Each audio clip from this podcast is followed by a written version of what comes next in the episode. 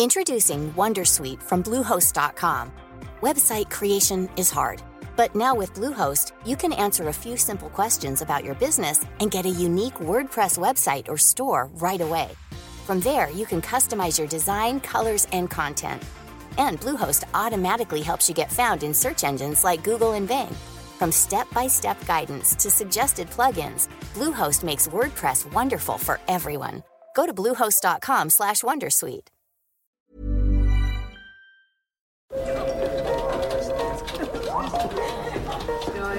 Dette er lyden av norsk næringsliv. Akkurat nå tas det små og store valg som kan bli avgjørende for fremtiden. Med økonomisystemet X-Leger tas disse beslutningene basert på informasjon i sanntid, slik at drømmer og ambisjoner kan bli virkelighet. Få kontroll og oversikt, gå inn på xledger.no. Denne sendingen er sponset av Xleger.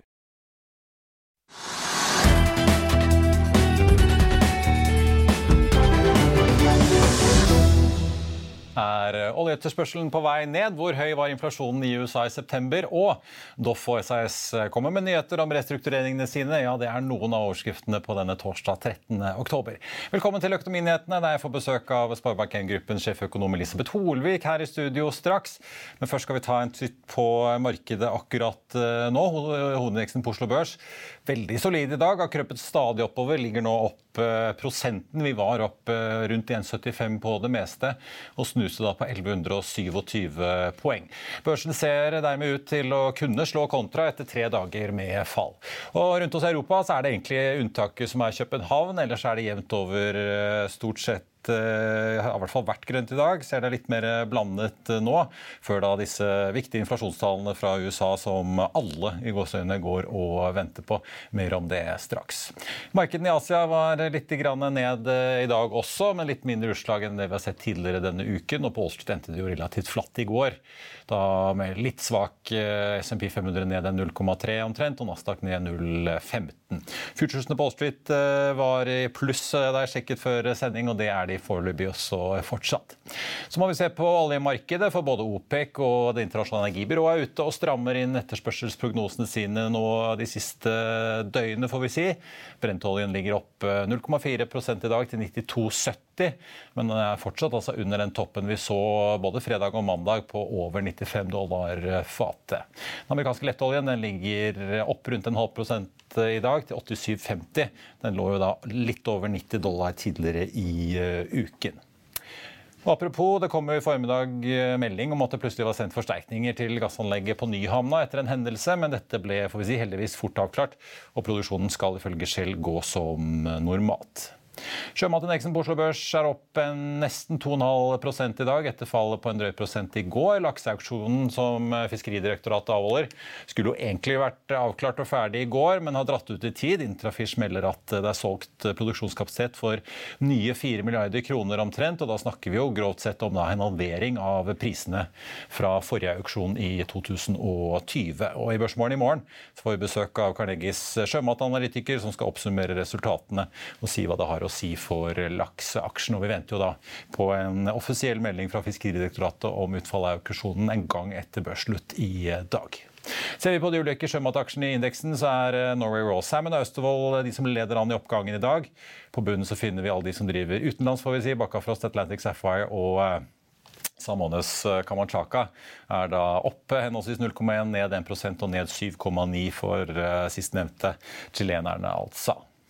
Dagens eh, store vinner, i hvert fall blant de store aksjene, er utvilsomt Dorsk Hydro. Den aksjen har snust på en oppgang på nesten 8% Den voldsomme oppgangen kommer etter at eh, Bloomberg i går kveld eh, rapporterte at Biden-administrasjonen i Washington vurderer et fullstendig forbud mot russisk aluminium, alternativt en ekstra toll eller sanksjoner direkte mot enkeltaktører i russisk aluminiumsbransje.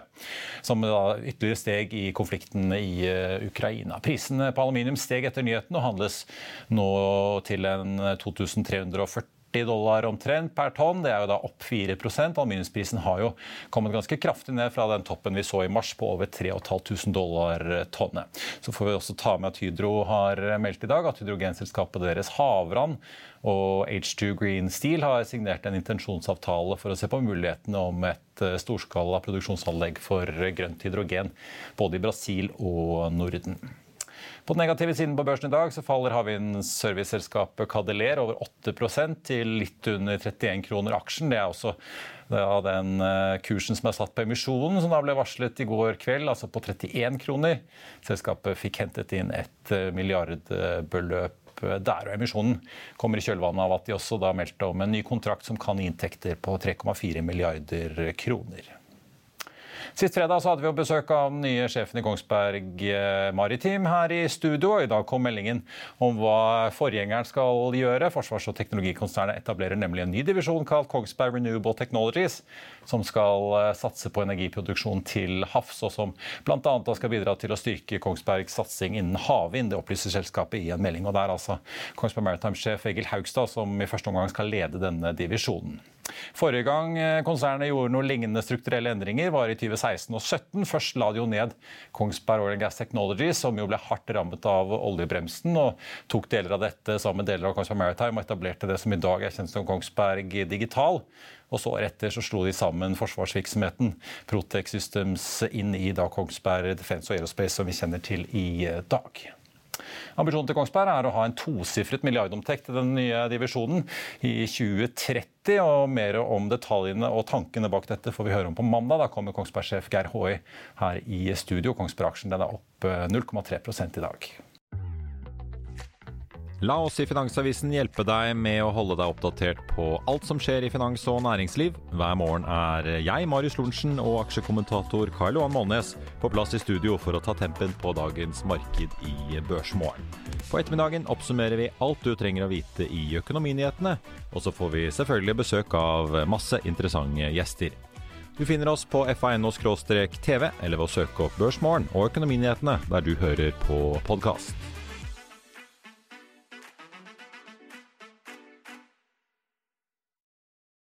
Da skal vi til Doff, eh, altså Subsea Subsupply, rederiet Doff og vi sier som akkurat ble pauset. Eh, det kom da en melding 1322 i dag, hvor aksjen ble pauset i påvente av en melding fra selskapet. og Doff har kommet med den meldingen, og der skriver de eh, da om denne restrukturerings restruktureringsplanen som først ble lansert da 22.6, som de hadde fått eh, på plass med støtte fra en betydelig andel kreditorer og andre interessenter. Nå melder de at de har gjort betydelige fremskritt og regner med å kunne avholde en ekstraordinær generalforsamling for å stemme over planen rundt da den 7. november en gang. Doff eh, sier videre at de fortsatt har støtte fra sine finansielle kreditorer og sin største aksjonær, men legger til at hvis planen blir nedstemt, så er de tvunget til å søke rekonstruksjon under det nye norske regelverket som kom under korona, slik vi så Norwegian gjøre. Aksjen den gikk fra å trade på 1 krone og tolv øre rett før eh, børspausen ned til 72 øre, altså et fall på nærmere 40 og så SAS ute med en melding. De varsler at de nå utsetter rentebetalinger på hybridgjelden sin som en del av chapter 11-prosessen i USA. Det betyr i praksis at eh, rentebetalinger på snaue 40 millioner svenske kroner på det ene lånet og 153 millioner på det andre, som skulle vært betalt 24. og 26. oktober, de blir utsatt. SAS-aksjen tikker opp et par prosent på eh, meldingen. Vi får jo minne om at SAS selv har jo varslet at aksjen, dagens aksjonærer blir utvannet ned til under 5 eierskap, da, gitt at denne chapter 11-prosessen går gjennom som planlagt. og SAS har jo også nylig inngått avtaler med en rekke leasingselskaper som sparer dem for betydelige milliardbeløp i årene fremover. Det er tid for dagens aksjetips, der stikkordene er shipping og databrikker. Bare se her. Hadde du fulgt rådet til Kepler, så hadde du dobla pengene dine, og nå skal shippingaksjen dobles igjen. Det mener eh, Kepler i sin ferskeste analyse. Det er torsdag, og dette er aksjetipset. Stolt-Nielsen la fram et sterkt resultat for tredje kvartal og mer enn dobla overskuddet. Sju analytikere har dekning på shippingaksjen, og hele gjengen anbefaler kjøp. Sist ut nå er Anders Carlsen i Kepler Chevreux, som drar til noe voldsomt og setter kursmålet til 437 kroner. Det er langt over kollegaene i de andre meglerhusene, og nærmest så har vi Petter Haugen i ABG med kursmål på 374 kroner.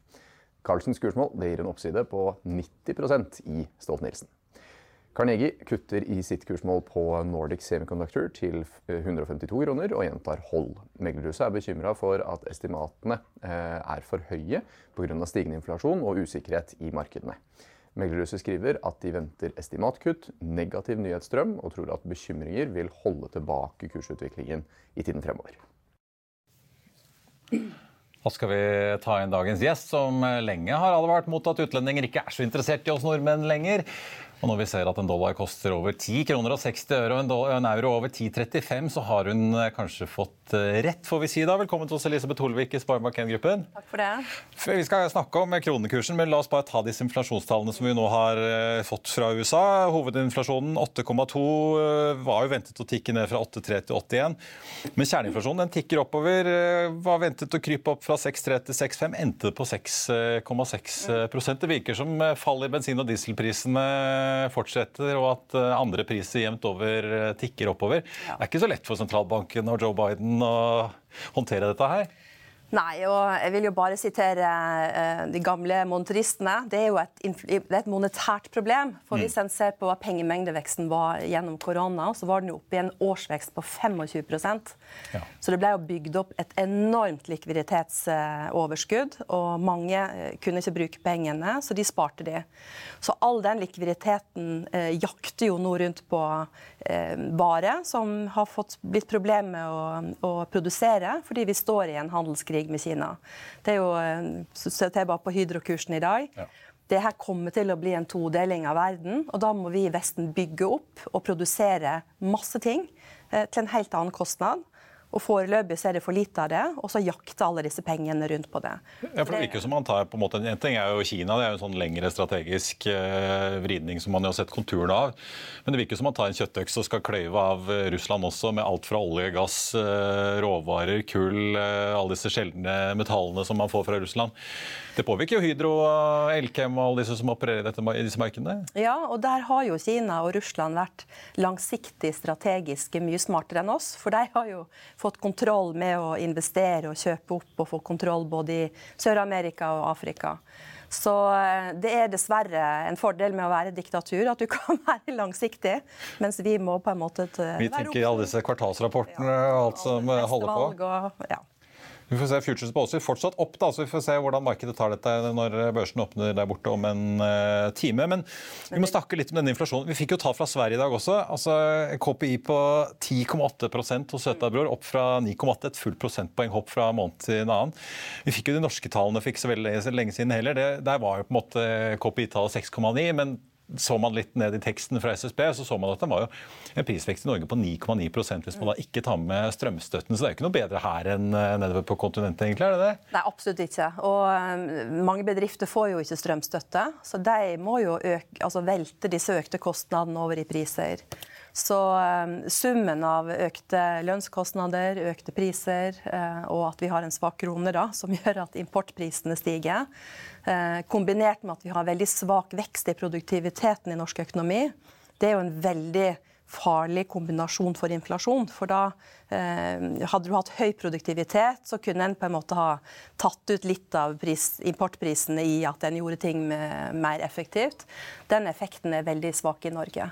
Og eh, Det henger jo også sammen med innretninga av statsbudsjettet. At den sektoren som da vokser i Norge, det er offentlig sektor. Og der er jo i beste fall produktivitetsveksten null. Ja. Hva, hva tror du? Nå er det jo allerede spekulert etter de inflasjonstallene vi fikk fra SSB om at Ida Woldenbakke kommer til å klinke til med en økning på 0,5 prosentpoeng nå på rentemøtet i november. Det litt, litt nølete, men litt interessante på det forrige rentemøtet var at eh, Norges Bank inviterte til pressekonferanse allerede da, og det pleier jo ikke å avholde på disse såkalte mellommøtene. Så på en måte vi journalister er jo allerede invitert eh, ned til Norges Bank i, i november. Hva tror du de kommer til å gjøre når de får disse tallene på bordet? Nei, de må... Og de har jo fått forstått statsbudsjettet på bordet siden sist òg? Ja. Nei, og Hvis du ser hva Finansdepartementet skriver om budsjettet, så er det jo helt nøytralt. Eh, så Norges Bank får jo ingen hjelp fra statsbudsjettet til å dempe inflasjonspresset, snarere tvert om. Så at det blir en eh, økning på et halvt prosentpoeng, det tror jeg er ganske sikkert. Ja. Mm. Og så har vi et rentemøte i desember også, om ikke novembermøtet var nok? Ja, og så neste år. Så, og hvis en ikke da eh, Nei, så det er noe med innretninga på den økonomiske politikken som er ikke så veldig fremmende for produktivitet og, og, og, effektivitet. Og det slår jo gradvis ut i økonomien og i at vi da trenger høyere rente. Ja, for hvordan leser du også Norges Bank og mange prognosemakere spår jo at norsk økonomi vil eh, gå i til et tilbakefall en eller annen gang på starten av neste år. Eh, selvfølgelig, Det er ikke så lett å si nøyaktig når, men kontrasten til statsbudsjettet er ganske stor. Nå er det jo ikke alltid så lett å lage statsbudsjett, for du skal jo legge noen prognoser, og du må på en måte bestemme deg for et eller annet tidspunkt du skal bruke som en, en baseline. Men de anslår jo likevel det var vel 1,7% vekst i Fastlands-Norge neste år. Eh, er det litt sånn teknikalitet i arbeidsprosessen i budsjettet, eller tror du bare at de er mer optimistiske? I Finansdepartementet? Nei, altså det, jeg skal ikke spekulere i det. Men at de eh, at det er liten sjanse for at de får rett. Det tror jeg vi kan oppsummere med. Ja. Uh, ja, for Det er ikke noe tegn på at uh, vi får noe særlig vekst i Fastlands-Norge uh, neste år i det hele tatt? Og ikke med de skatteøkningene de kommer med på næringslivet, så vil jo det være altså, Så dynamikken her er jo at en, en beskytter offentlig sektor, som er nesten uendra, øker faktisk litt. Underliggende kostnadsvekst på 1,3% Så statsbudsjettet øker ikke. Eh, og en eh, gir skattelett til de som bruker det meste av eh, økte inntekter på forbruk. Mens en har en voldsom skatteskjerpelse på næringslivet, som kunne da vært brukt til å øke produktiviteten og gjøre ting på nye måter. Så innretninga gjør at Norges Bank blir tvunget til å stramme til enda mer i privatkonsumet mm. enn de ellers, og i å dempe kredittvekst og boligmarkedet, enn hvis de hadde fått litt hjelp av statsbudsjettet. Men La oss snakke litt om kronen, da, som vi var inne på. Det hjelper oss jo ikke på inflasjonen, for uh, eh, vi får kjøpt stadig mindre fra utlandet med den uh, stakkars kronen vår. Men vi har jo sett en ganske sånn solid svekkelse nå bare siden i sommer, egentlig. Det har jo svingt en god del, men nå er vi liksom tilbake på nivået vi så på tampen av 2020. Uh, eh, ja, En dollar koster liksom godt over ti kroner igjen. Hvordan leser du den svekkelsen som har vært da, på en måte tilbake til pandeminivået igjen, nesten? Ja, altså jeg vil jo egentlig... Olje- og gassprisen ja. er jo kjempehøye, ja. så det skulle jo egentlig tilsi at mm. dette går bra? Nei, jeg tror du bare må løfte blikket litt og se på de strukturendringene som har vært i norsk økonomi siden, egentlig siden finanskrisen. Så hvis du tar og ser hvordan krona utvikla seg siden finanskrisen, sammenligna med f.eks. pundet, så har jo krona svekka seg mer. Mm. Eh, kronas verdi er omtrent halvert. Eh, nesten en 100 svekkelse. Ah, nei, det, det blir feil altså en halvering. Ja. Mens eh, pundet har eh, svekka seg eh, litt mindre. Ja, Vi har gått fra fem kroner og seks kroner dollaren til ja, ja så det er halvering av mm. kurs. Um, og det handler om at hvis du skal spå valutamarkedet, så er det veldig vanskelig på kort sikt. Det er nesten umulig. Men på lang sikt så er det strukturer og det fundamentale som forklarer på en måte om en valuta blir sterk eller svak. Og i Norge så er det jo, eh, hvis du ser på handelsbalansen utenom olje, så har den eh, svekka seg kraftig de siste årene. Den er rundt 300 milliarder i underskudd. Og olje og gass og eh, strøm det blir jo investert ute gjennom oljefondet. Så det er på en måte skjerma fra valutakursen. Og det var jo intensjonen med, med oljefondet. Og så er det vi som har kapital, da. Hva gjør vi med pengene våre? Eh, og der er det jo pensjonsfond og aksjefond som investerer. Og de har vært i en helt klar trend. De investerer mye mer i utlandet. Og bankene de låner i utlandet. Så det har blitt et enormt kapitalgap i Norge. Vi, har på en måte ikke, vi bruker ikke norsk kapital til å låne ut til hverandre lenger. Vi går ut. Så Det gjør at vi er veldig sårbare, både strukturelt, at det er lite kapital som kommer inn og investerer i Norge. Og de som har kapital, de blir enten skatta enormt med en veldig særnorsk eh, eierbeskatning med formuesskatt, som gjør at Det blir strammet inn, og nå får vi se hva forhandlingene i Stortinget ja. blir, men eh, vi er nå i hvert fall på 1,1. og så... Ja. Så Det gjør at eh, risikoviljen eh, for å investere fra de som har kapital i Norge, er veldig mye mindre enn den var før. Og når du rammer eh, den produktive næringa, sjømat og, kraft, med en så enorm skatteøkning, så trekker du også ut investeringskapital fra den som går inn til å opprettholde offentlig sektor. Så hele økonomien er jo i ferd med å komme inn i en sånn form for hollandsk syke der du bygger ned eh, konkurranseutsatt sektor og øker offentlig sektor. Og så er jo da spørsmålet Nå har de eh, henta inn 47 eh, milliarder fra næringslivet. Hva skal de gjøre neste år? når vi vet at utsiktene framover blir like høye. For Folketrygden tikker og går og blir stadig dyrere. Ja, og det... Selv om vi kanskje ikke få en så stor regning for flyktninger fra Ukraina, men likevel, det er jo mange milliarder som skal dekkes inn hvert år. Ja. ja, og det har vi visst lenge. Det vi visst, og det var jo også en av grunnene til at vi etablerte handlingsregelen og inflasjonsmålet. At vi visste at denne eldrebølgen ville komme rundt 2020, og her står vi og er ikke forberedt. Er det ikke bare et seminar i Finansdepartementet lenger. Nei. Men altså, nå har vi jo tross alt gitt denne Ukraina-situasjonen havnet i en situasjon der Europa vil fri seg fra russisk energiimport. Og litt man hører jo i hvert fall litt at uh, det er stor interesse for norsk sokkel. Så vegrer jo oljeselskapene seg for å investere for mye. For det virker ikke som verken politikere eller investorer er så veldig sultne på langsiktige investeringer i leting som kan gi prosjekter om, eh, om en 10-15 års tid. Men men, men, det, men, på en måte det gjør jo noe med utsiktene for Norge. Altså, vi har jo plutselig da en kunde sør for oss på kontinentet som eh, nå trenger veldig mye gass i mange mange år fremover. Kan en slags gjenoppblomstring på norsk sokkel eh, mm. gjøre noe med de langsiktige utfordringene for kronen som du snakker om? Altså Endrer det på en måte nei, fordi, noe på de utsiktene? Eh, nei, fordi eh, eh, altså Da måtte det jo være at det kom veldig mange utenlandske selskap og investerte stort. Eh, men, men, de skatteinntektene vil allikevel bli skjerma fra valutakursen, fordi de går ut gjennom oljefondet. Så, så, alle olje- og gassinntekter vil på en måte ikke påvirke kronekursen eh, på kort sikt. Og, og igjen, eh, de vil da bli investert gjennom oljefondet. Og så kan en ta ut 3 eh, inn i budsjettet. Men de blir jo betalt ut i trygd og i pensjon. Og hva er det pensjonister og trygda gjør? Jo, de forbruker det, og veldig mye av det går på importerte varer og uh, ferieturer eller harrytur. Sånn at det underliggende er jo at vi ikke har så mye fundamentalt å selge, bortsett fra olje og gass og strøm. Og da blir det underliggende etterspørselen etter krone svak. Eh, og ser du på foreign, altså utlendingers direkte investeringer i Norge minus våre investeringer ute, så har de lagt omtrent på null. Mm. Så det er ikke noe store tegn til at vi skal bli veldig interessante. Og med den usikkerheten igjen som er skapt, med plutselig og brå skatteskjerpelser, så er ikke det akkurat et klima for å, å, å, satse langsiktig, dessverre. Men eh, Kan vi si noe om nivået her? Da? Nå er jo dollaren veldig sterk. Det snakkes om i USA òg, bl.a. Altså, det er mange fremvoksende økonomier som begynner å slite med dette her, fordi de har jo gjelden sin koblet opp mot dollar og mye forskjellig. men eh, er vi, liksom nå på rock bottom for kronen, eller kan vi begynne å se liksom 11 og 12 kroner euroen og dollaren? Eh, tror du liksom Altså det, det, med valuta de pleier alltid å overskyte. Så eh, altså, jeg tror vi må tilbake til en type 85, eh, der mange sentralbanker gikk sammen for å svekke dollaren.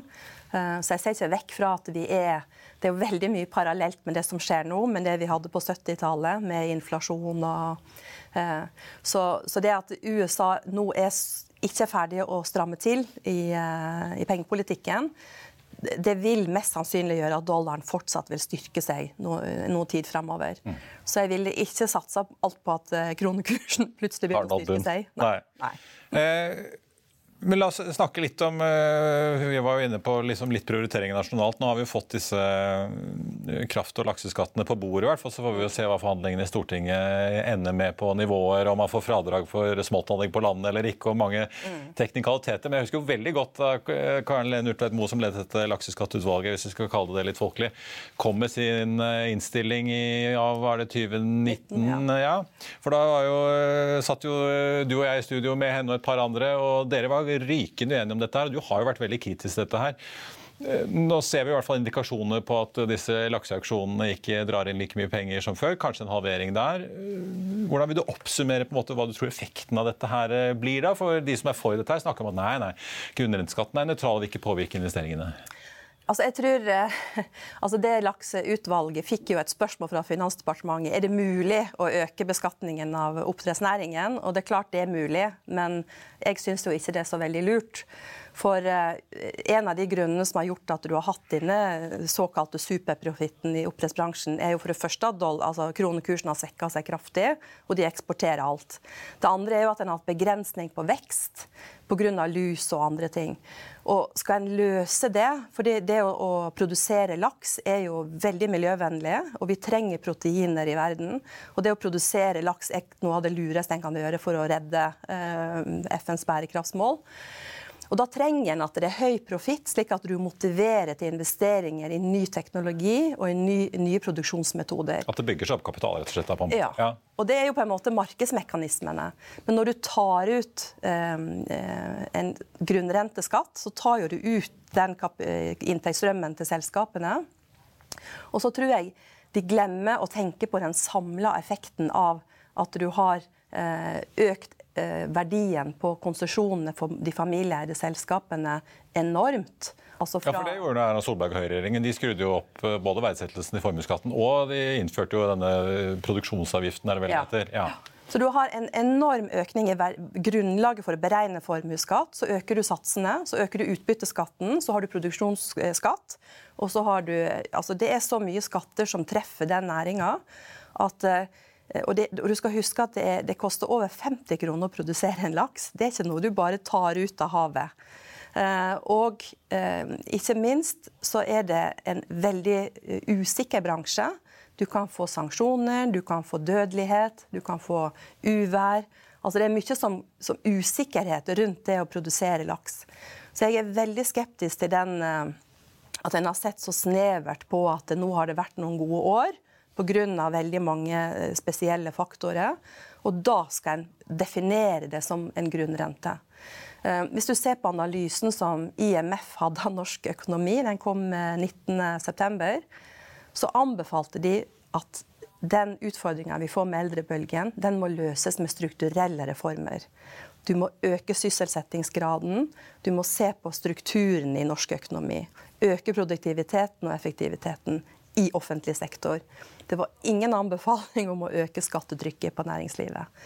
Så jeg tror dette er, som vi sier på Vestlandet, det er som å pisse i buksa for å, å dekke inn et, et, strukturelt økende problem i offentlig sektor mm. med statsfinansene. Og det å ramme kystnæringa, det rammer både sysselsettings- og bolyst og inntektene til kommunene. Og du skal også huske på at eh, regulering av bankene har gjort at eh, på mange små steder så er disse bedriftseierne de har også måttet ta rollen som bank. De må gi de som arbeider der, de må gi de penger, så de kan stille som sikkerhet for bankene for å få lån. Og Nesten som eh, holdt jeg på å si, Hydro, disse gamle industriselskapene i sin tid ja. bygde boliger. Og, ja. Så På kysten og i Nord-Norge så er det eh, privat kapital som driver samfunnet og bygger samfunn og skaper arbeidsplasser, og gjør at den kraftige befolkningsfallet vi har sett, det har snudd på disse stedene. På Lovund og Hitra og Husøy og Frøya. Og Frøya mm. Der er det optimisme, og ungdommen vil bo der, og, og barnetallene øker. Så det å så ensidig ramme fordi en har et underskudd på statsbudsjettet, jeg, jeg mener at det, det, de, de må greie å, å, separere det og tenke langsiktige, stabile rammevilkår for næringslivet. Hvis ikke så får ikke vi noen utlendinger til å komme hit. Annet enn til det som er knytta opp mot eh, f.eks. ekstremt lave strømpriser i Nord-Norge noen år fremover i tid. Der kommer jo utenlandske investorer. Men det er jo en urealistisk eh, eh, billig, altså fortrinn som blir borte.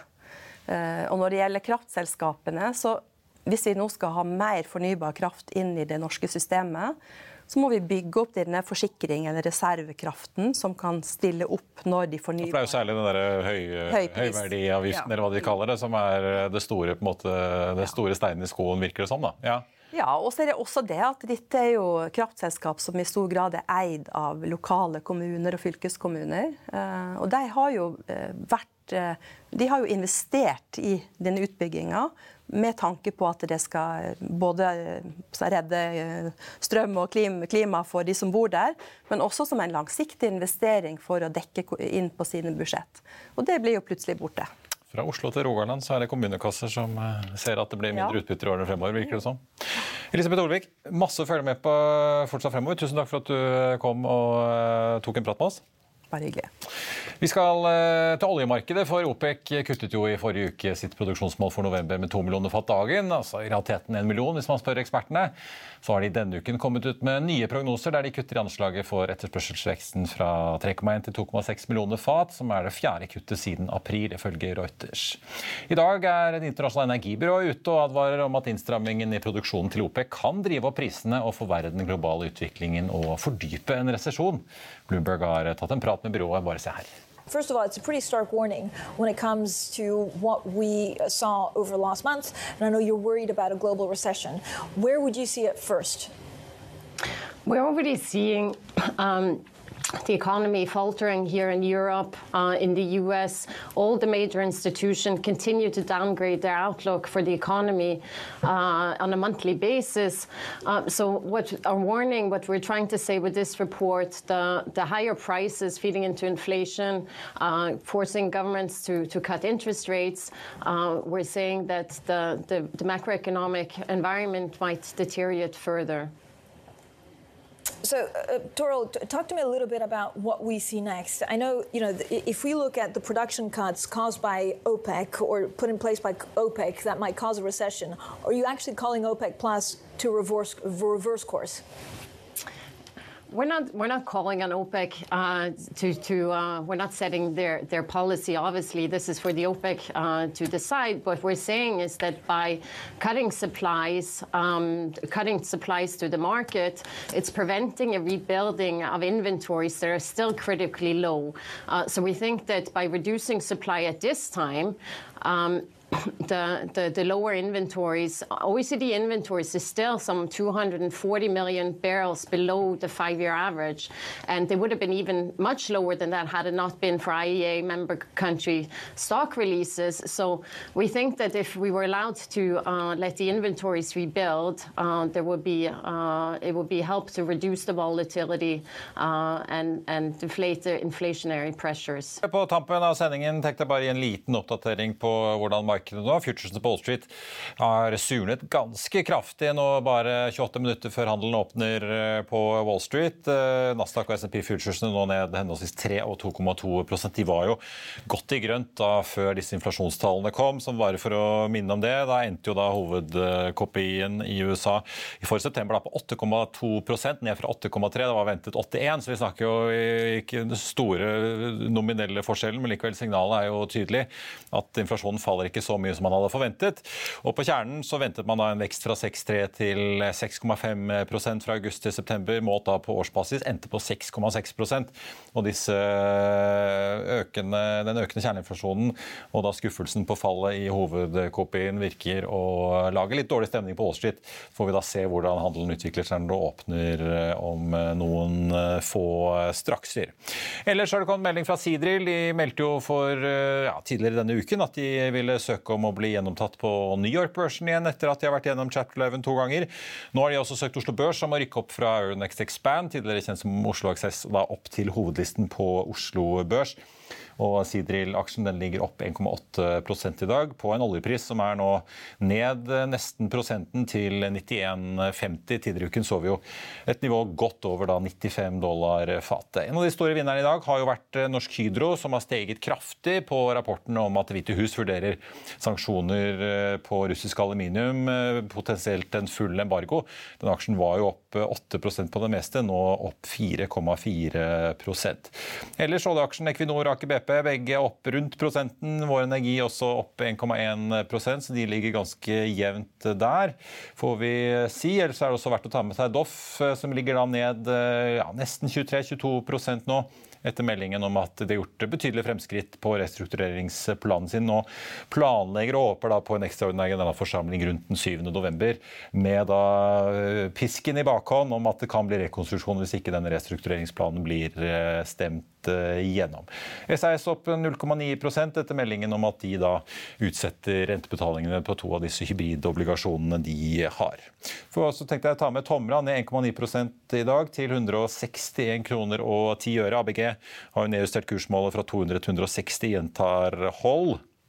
Så er det da Cadeler, den desidert mest omsatte aksjen, da grunnet selvfølgelig emisjonen på en milliard kroner. Kursen der var 31.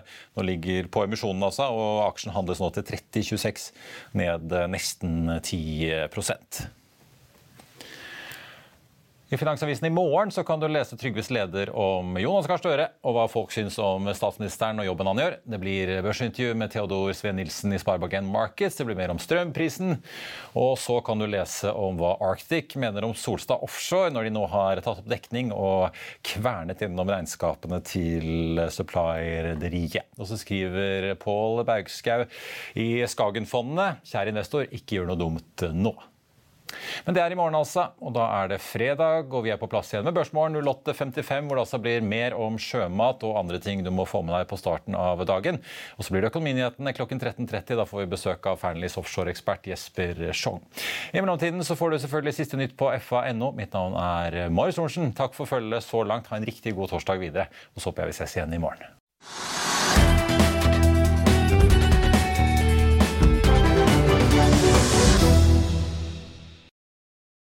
Denne sendingen er sponset av Xleger. Økonominyhetene er en podkast og videoproduksjon fra Finansavisen. Programleder er Marius Lorentzen. Aksjekommentator er Karl Johan Molnes. Produsent er Bashar Johar. Podkast- og videoansvarlig er Marius Mørk Larsen. Og ansvarlig redaktør er Trygve Hegnar.